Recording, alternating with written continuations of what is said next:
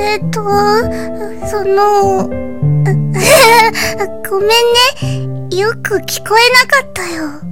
Mitsuna er en japansk ungjente. Sjenert og sexy. En dag kommer de to kjekkasene og bestevennene Kyuchi og Raiji bort til henne og spør om hun har lyst til å bli med en av dem på date. Men å velge mellom de to er ikke lett for Mitsuna. Hun har havnet i en svært vanskelig situasjon. Heldigvis er de to kameratene av den fleksible sorten og kommer fram til at de begge kan være kjæresten hennes. Dette er begynnelsen på en evig lang trekant uten drama.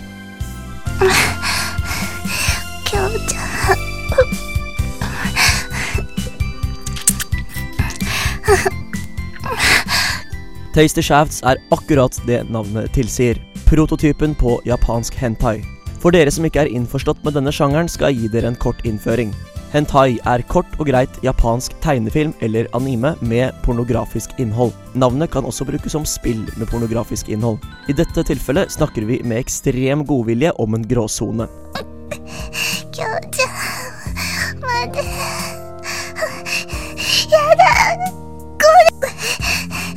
き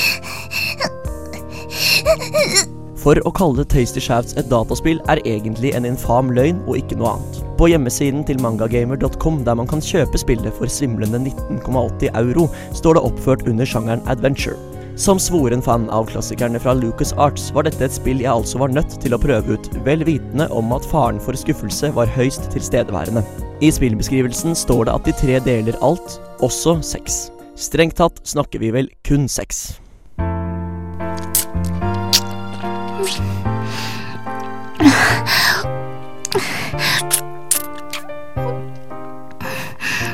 I realiteten er nemlig Tasty Shafts en pornofilm man må trykke seg gjennom.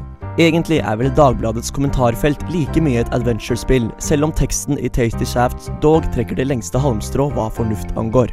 Her blir man introdusert til de forskjellige aktiviteter de tre bedriver fra dag én og utover uka. Ja, den godeste Mitsuna får sannelig kjørt seg. Undertegnede har for øvrig observert at Tastershafts pluss lesesal på Dragvoll er lik alt fra forskremte til lattermilde blikk. Men hva gjør man ikke for våre kjære lyttere?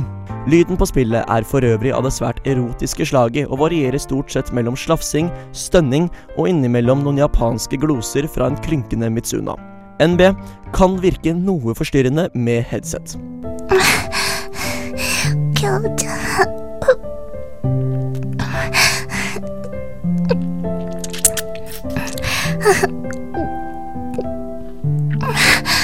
Så hvis du har lyst på japansk tegneserieporno du må trykke deg gjennom, så bruk gjerne 20 euro på Tasty Shafts. Personlig vil jeg opplyse om at dette fenomenet hadde en underholdningsverdi på fem minutter for undertegnede, og at du ikke kan regne med mine anbefalinger. Da jeg prøvde ut spillet, fikk jeg en forespørsel om hvorfor dette spillet ikke var å få i butikken. Vel, jeg kan komme på minst 69 grunner til det.